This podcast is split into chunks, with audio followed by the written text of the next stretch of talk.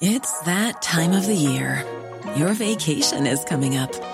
You can already hear the beach waves, feel the warm breeze, relax, and think about work. You really, really want it all to work out while you're away. Monday.com gives you and the team that peace of mind. When all work is on one platform and everyone's in sync, things just flow wherever you are. Tap the banner to go to Monday.com. Hey, it's Ryan Reynolds, and I'm here with Keith, co star of my upcoming film, If, only in theaters, May 17th. Do you want to tell people the big news? All right, I'll do it. Sign up now and you'll get unlimited for $15 a month in six months of Paramount Plus Essential Plan on us. Mintmobile.com slash switch. Upfront payment of $45 equivalent to $15 per month. Unlimited over 40 gigabytes per month. Face lower speeds. Videos at 480p. Active Mint customers by 531.24 get six months of Paramount Plus Essential Plan. Auto renews after six months. Offer ends May 31st, 2024. Separate Paramount Plus registration required. Terms and conditions apply if rated PG. Hey, it's Danny Pellegrino from Everything Iconic. Ready to upgrade your style game without blowing your budget? Check out Quince. They've got all the good stuff shirts and polos, activewear, and fine leather goods, all at 50 to 80% less than other high end brands. And the best part? They're all about safe, ethical, and responsible manufacturing. Get that luxury vibe without the luxury price tag. Hit up quince.com slash upgrade for free shipping and 365 day returns on your next order. That's quince.com slash upgrade. Du lytter til en podcast fra TV2.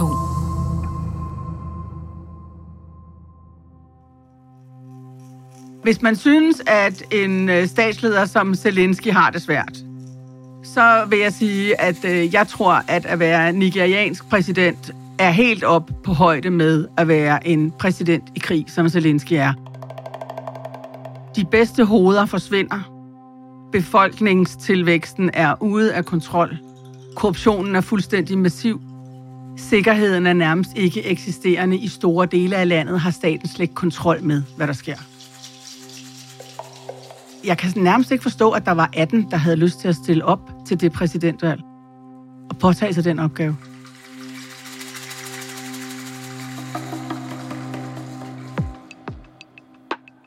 Den største opgave for Nigerias nye præsident, det bliver at stoppe flugten af de unge og de veluddannede. De forlader Afrikas mest folkerige land, for der er ingen jobs, og der er kun en usikker fremtid.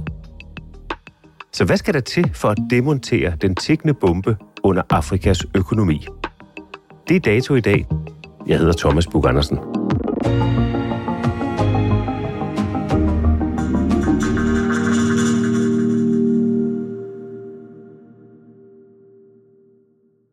Det er en øh, meget, meget, meget øh, ung befolkning. Gennemsnitsalderen i Nigeria er 18 år. Det her, det er Louise Windfeldt Høberg. Hun er vært over på News, og ikke mindst verden ifølge News. Og så følger hun tæt med i udviklingen på det afrikanske kontinent, hvor hun selv har boet i 10 år. Hvor vi her i Danmark, der er det cirka en tredjedel af befolkningen, der er over 60. I Nigeria, der er det 5 procent. Så det er en ekstrem ung befolkning. Og det lyder jo egentlig lovende, for vi snakker om den demografiske udfordring herhjemme, at der bliver flere ældre og færre yngre. De må have det fornøjeligt med det. Nej, fordi øh, det kræver jo utrolig mange ressourcer at øh, uddanne en så ung befolkning. Og der er jo også, af de øh, 220 millioner nigerianere, der er i dag, der er der i hvert fald 20 millioner børn, der slet ikke kommer i skole. Og hvilken arbejdskraft bliver de så til, når de bliver voksne? Men der er rigtig mange, som er decideret arbejdsløse, men fordi der jo ikke er kontanthjælp, så er man jo nødt til at hudle sig igennem på en eller anden måde. Så er spørgsmålet, om det er et arbejde eller ej. Så en af de store udfordringer, det er at få den her store unge andel af befolkningen i uddannelse og i arbejde. Ja, det er det helt store problem. Altså, det er jo også det, der har fyldt rigtig meget i den valgkamp, der lige har været i Nigeria i forbindelse med, at landet skulle have en ny præsident. Altså noget af det, som vælgerne virkelig efterspørger, det er rigtige job. Det er jo ikke en holdbar situation, kan man jo tydeligvis høre. Hvordan reagerer den unge del af befolkningen på de udfordringer, de står for? Dem, der kan, de rejser. Der er en bølge i Nigeria, man kalder Japa, som er et øh, Yoruba-ord. Altså Yoruba er en, en befolkning og et sprogområde i Nigeria, som betyder at flygte. Og når unge nigerianere siger til hinanden, I'm thinking about yappering, så betyder det, jeg tænker på at flygte.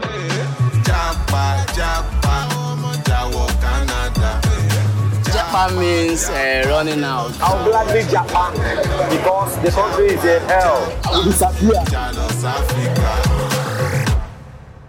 Og det gør de så, dem der kan. Og det er jo de mest ressourcestærke, de rigeste og de mest veluddannede. Fordi de kan nemlig godt få job i Europa eller i USA, eller hvor de nu ønsker at tage hen.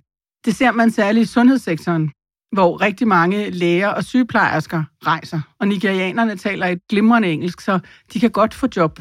Og de er efterspurgt. Vi mangler jo selv sygeplejersker i Danmark, så vi kender jo problematikken. Problemet er jo så bare, at det efterlader Nigerias sundhedsvæsen i endnu dårligere stand, end det var før.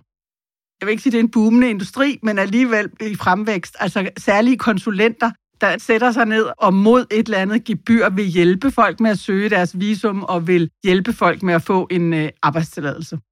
Men så er der jo også dem, der rejser, selvom at de ikke kan få et visum, altså illegalt. Og hvor mange det er, det ved vi jo ikke. Men jeg har da selv mødt nigerianere, der gik og solgte viskestykker på en parkeringsplads uden for et øh, supermarked i Nice. Så de er her. Hvordan foregår det, når de forlader og flygter fra Nigeria? Det er jo meget ofte unge mænd. De kommer fra de store byer. De har fået familie og venner til at hjælpe dem med at betale menneskesmuglere. Så flygter de øh, op gennem Sahara og over Middelhavet og videre til Europa. Og de er her jo så illegalt. Og netop fordi de er her illegalt, så lever de jo øh, i det skjulte. De øh, vasker op på restauranter sort, eller øh, nogen bliver presset ind i kriminalitet. Og de vil ikke hjem, fordi skammen over at komme tomhændet hjem og ikke kunne betale lånene tilbage og være en fiasko i familiens øjne er kulturelt så enorm. Vi kan slet ikke forestille os det. Og det vil sige, at de her unge mænd, de bliver her. Også selvom det betyder, at de skal sove under lidt pap under en motorvejsbro. Så modstanden mod at vende tilbage fra Europa er i virkeligheden en større kraft end lysten til at forlade Nigeria? Um, nej, lysten til at forlade Nigeria er stor. Men hvis vi her i Europa tror, at vi med en flybillet øh, og så vender dem i døren, kan få dem til at rejse hjem, så kan vi godt tro om igen. Hvad er det for et Nigeria, vi kigger ind i, hvis man ikke får løst de problemer? Det er et meget mere, øh, meget mere voldeligt, meget mere usikkert og meget fattigere land. Med mange flere borgere. Med mange flere borgere, ja. Som har mindre. Ja. Befolkningstilvækst, det er jo ikke noget, der sådan lige sker overnight. Er det noget, der er kommet snigende det her, eller er det en eksplosion, der er sket inden for den øh, en overskuelige fortid? Altså fordi befolkningens levevilkår trods alt er blevet forbedret. Fordi at man har fået for eksempel sådan noget helt basalt som myggenet, som man ikke dør af malaria. Så er der jo flere, der overlever. Det er jo i virkeligheden det, det her handler om. Det handler om, hvor mange overlever ud af en generation. Hvis man i 1960 da Nigeria blev selvstændig, fik otte børn, så var der måske kun to af dem, der endte med at nå at blive 30 år. Ikke? Sådan er det jo ikke i dag. Så hvis man får seks børn, så overlever fem af dem jo. Men hvis man så får fire børn, så overlever de måske alle fire. Og selvom at antallet af børn per kvinde måske er nedadgående, så har sådan en befolkningstilvækst det jo med at have sådan meget, den er meget svær at bremse, fordi bremselængden er så høj. Så selvom vi fik rigtig mange ind i den nigerianske middelklasse, og de fik to-tre børn, så vil vi stadigvæk se mange, mange millioner flere nigerianere. Ikke? Det er også en negativ konsekvens af en positiv udvikling. Ja, sådan kan man faktisk godt sige det, selvom vi jo sidder og taler om menneskeliv. Men det er rigtigt, ja, det kan man sige. I Vesten kan vi vel egentlig bare glæde os øh, over det. I USA, Storbritannien, andre steder, hvor de tager hen. Er det en fordel, en gave på arbejdsmarkedet, eller hvordan? Det kan man jo sige. Altså, hvis jeg skulle have taget min blindtarm, og lægen kom fra Nigeria og reddet mit liv, så ville jeg selvfølgelig være glad. Men det er jo den kortsigtede løsning. På længere sigt er det jo ikke nogen fordel, fordi befolkningstilvæksten er jo en bombe under flere afrikanske lande, og hvis der bliver alt for mange fattige afrikanere, og de ikke har nogen fremtid, så sætter de sig i bevægelse, og så kommer de herop. Nu vil jeg ikke male fanden på væggen, men jeg vil alligevel sige, at hvis vi i 2015 synes, at det var et problem, at der kom en million flygtninge fra Syrien, så skal vi bare vente og se, hvordan det her det kan gå hen og blive. Hvis vi lige tager Nigeria bare som eksempel, ikke? Der er 220 millioner nigerianere nu. I 2050, der var der være 400 millioner. Japa-bølgen, som den kaldes, er jo vokset ret massivt bare de seneste år. Altså, jeg tror, den seneste undersøgelse, der blev lavet, viser, at 69 procent af nigerianere, der bliver spurgt, ville forlade landet, hvis de kunne.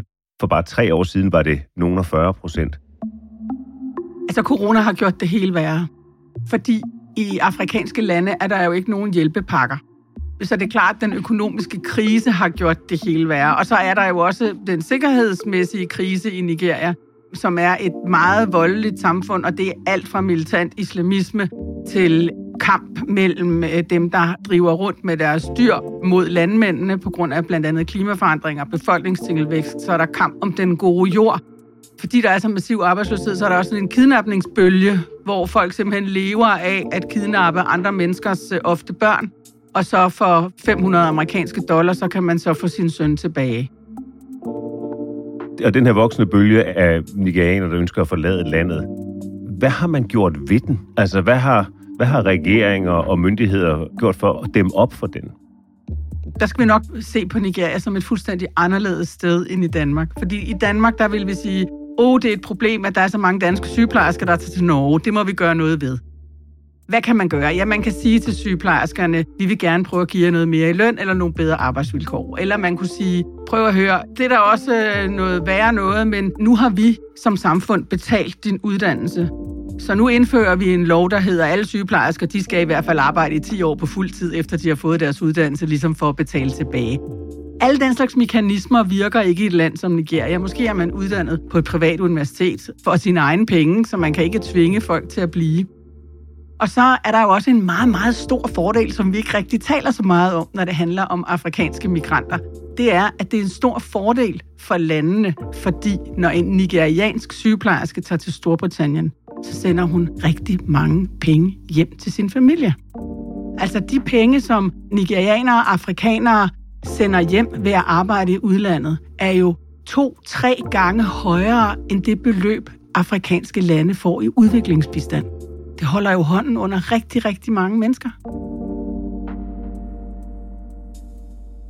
I hvor høj grad vælger de her, der forlader landet og som tjener penge i Vesten, så på et tidspunkt at komme tilbage med midler og kompetencer? Det er jo det, man håber, de vil gøre. Vi har ikke så mange eksempler på det. Vi er begyndt at se eksempler på folk, som er taget ud og har haft et langt arbejdsliv, og når de så bliver gamle, så vil de gerne tilbage til hjemlandet. Men lige for øjeblikket, der går trafikken altså den anden vej. For nylig fik Nigeria en ny præsident, Bola Tinubu. That's uh, the president-elect making his way to the podium now. 70-årige Tinubu var frem til 2007 guvernør i staten Lagos, og her fik han blandt andet ros for sit arbejde med at reducere voldelig kriminalitet. From my heart, and truly from my heart, I say thank you very much. Man plejer at kalde ham en af de store politiske godfathers i Nigeria, og det er han også. Det er fordi, han er en af dem, der for alvor har trukket i trådene rundt omkring i hele landet og været helt central for at opbygge de politiske netværk, som afgør, hvordan tingene bliver gjort i nigeriansk politik. Og han gik til valg på noget, der netop skal stoppe de nigerianere, der har lyst til at forlade landet. Han lovede arbejdspladser. Han sagde, hvis I stemmer på mig, så vil jeg få gang i en industrialisering så vi ikke længere er så øh, afhængige af kun at leve af at eksportere olie. Og det er der vælgere, som har stemt på ham for, men det lovede de andre kandidater jo også. Og det er jo ikke gjort bare ved at love det. Hvad er hans plan for at skabe flere arbejdspladser i Nigeria?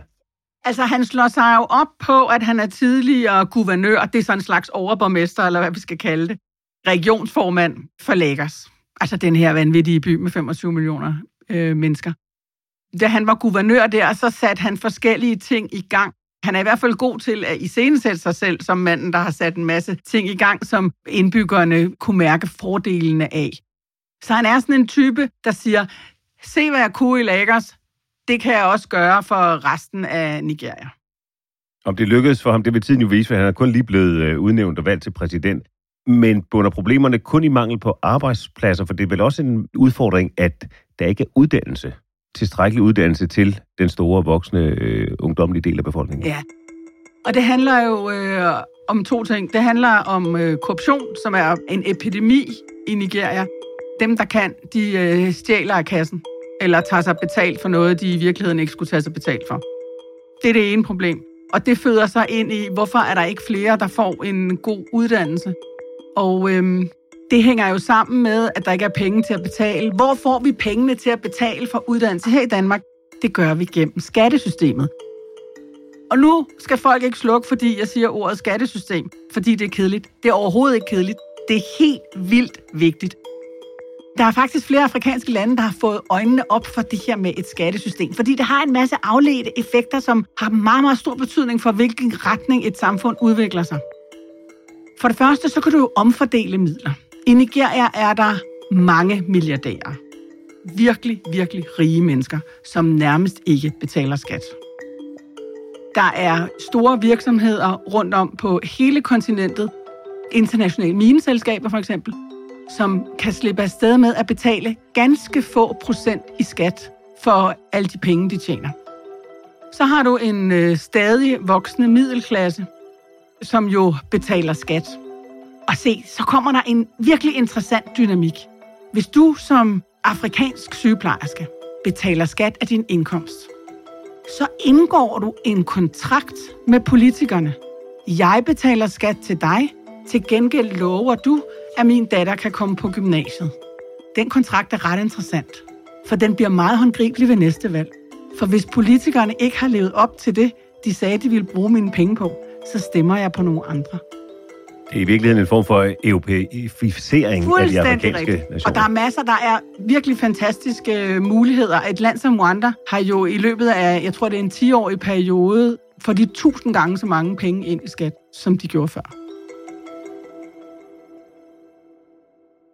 Du var inde på det før, men lad os lige prøve at kigge lidt mere ned i det. Hvad er det, der er årsagen til, at tidligere politikere, tidligere præsidenter, tidligere regeringer i Nigeria ikke har set det her problem og har gjort noget ved det?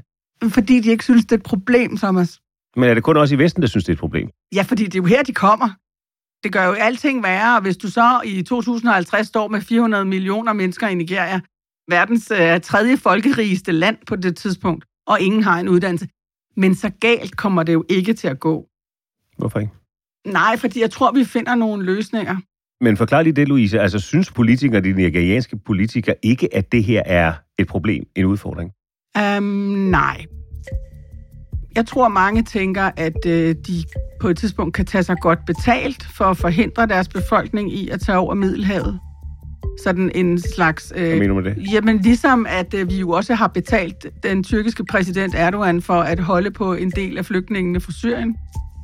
Derudover så, så tror jeg, at de synes, det er en fordel, hvis øh, mange nigerianere tager til øh, Vesten og sender penge hjem, fordi det kan understøtte den øh, fattige befolkning. De har ikke noget incitament til at holde på en masse fattige unge mænd, fordi de skaber problemer, hvis de bliver. Altså, det er jo sådan en konflikt. Det er jo en drivkraft for problemer at have unge, arbejdsløse, frustrerede mænd. Så vil du jo pludselig se endnu flere måske tilslutte sig Boko Haram oppe i det nordøstlige Nigeria. Terrorbevægelsen, ja. Præcis. Verdens befolkning har i dag rundet 8 milliarder mennesker. Det viser et estimat fra FN. Her ser vi billeder fra det afrikanske land Nigeria, der sammen med en række andre lande i Afrika, og særligt Indien, driver befolkningstilvæksten. Nigeria er Afrikas største land målt på indbyggertal, og her bor knap 220 millioner mennesker. Den voksne befolkning er ikke kun noget, der sker i Nigeria. Det sker over hele Afrika. FN anslår, at befolkningen på kontinentet fordobles frem mod 2050, hvor hver fjerde verdensborger på det tidspunkt altså vil være afrikaner. Hvis vi tager det positive først, jeg kunne godt forestille mig, at det vil give dig selvtillid.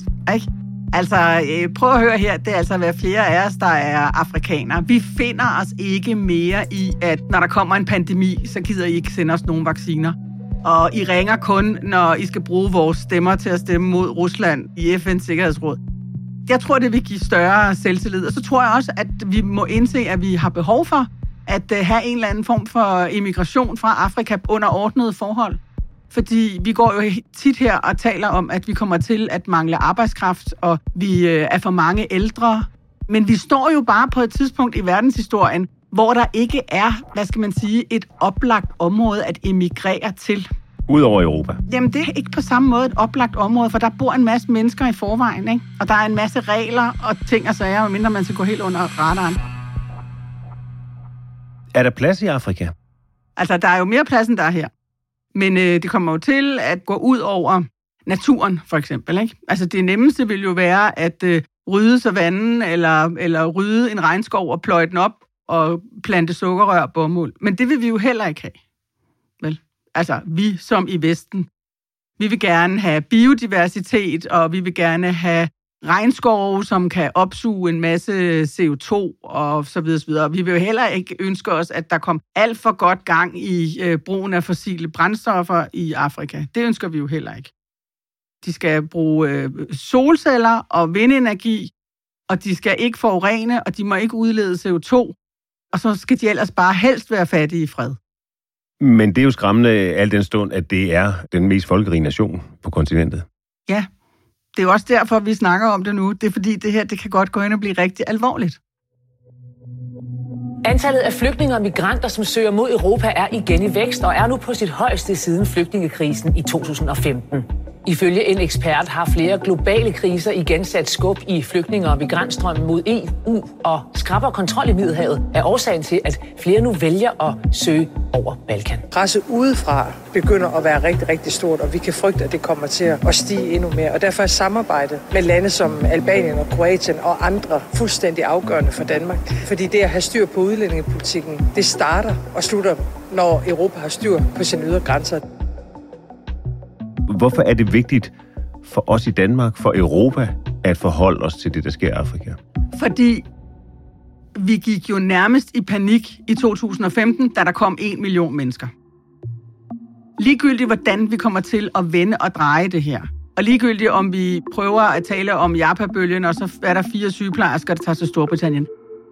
Der vil være så stor fattigdom, og der vil særligt være så mange mennesker, der ikke kan se en fremtid i Afrika, når de bliver så mange hvis ikke væksten følger med. At de flytter sig. Og så flytter de sig herop. Og de kommer også til Danmark. Jeg ved ikke, om de kommer til at gå på de danske motorveje, som vi så i 2015, men de kommer. Og det vi så skal begynde at spørge os selv om, det er, hvis nu vi ikke kan nå at få væksten til at følge med befolkningstilvæksten, sådan så afrikanerne får lyst til at blive i Afrika, hvad er vi så klar til at gøre? Hvad er vi klar til at gøre? Er vi klar til at have soldater på EU's grænser, der er klar til at skyde på de migranter, der kommer? Eller hvad gør vi? Fordi når de først er kommet, så vil de ikke hjem. Heller ikke ligegyldigt, hvor dårligt de har det. Og det er jo et skræmmende perspektiv, du sætter op der. Hvad kan vi gøre i Europa? Hvad kan vi gøre i Danmark? Det ved jeg ikke. Det må statsministeren finde ud af. Jeg vil bare sige, det er det, jeg frygter. Fordi øh, det vil så bare give afrikanerne et endnu dårligere ry, end de har i forvejen. Og jeg synes jo, Afrika er et fuldstændigt vidunderligt sted, og jeg savner Afrikas forskellige hjørner hver eneste dag. Jeg vil jo gerne tale Afrika op, så derfor bryder jeg mig heller ikke om at sidde her og male fanden på væggen. Men det er det, jeg frygter, hvis ikke vi gør noget. Louise Windfeldt Høberg, tak fordi du følger Afrika så intensivt og intenst, at vi andre kan nyde frugten af det. Og tak fordi du kom og fortalt. Selv tak.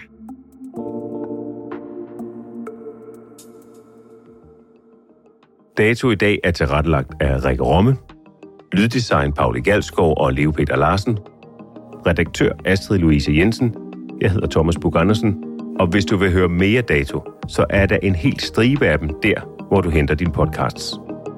På genhør.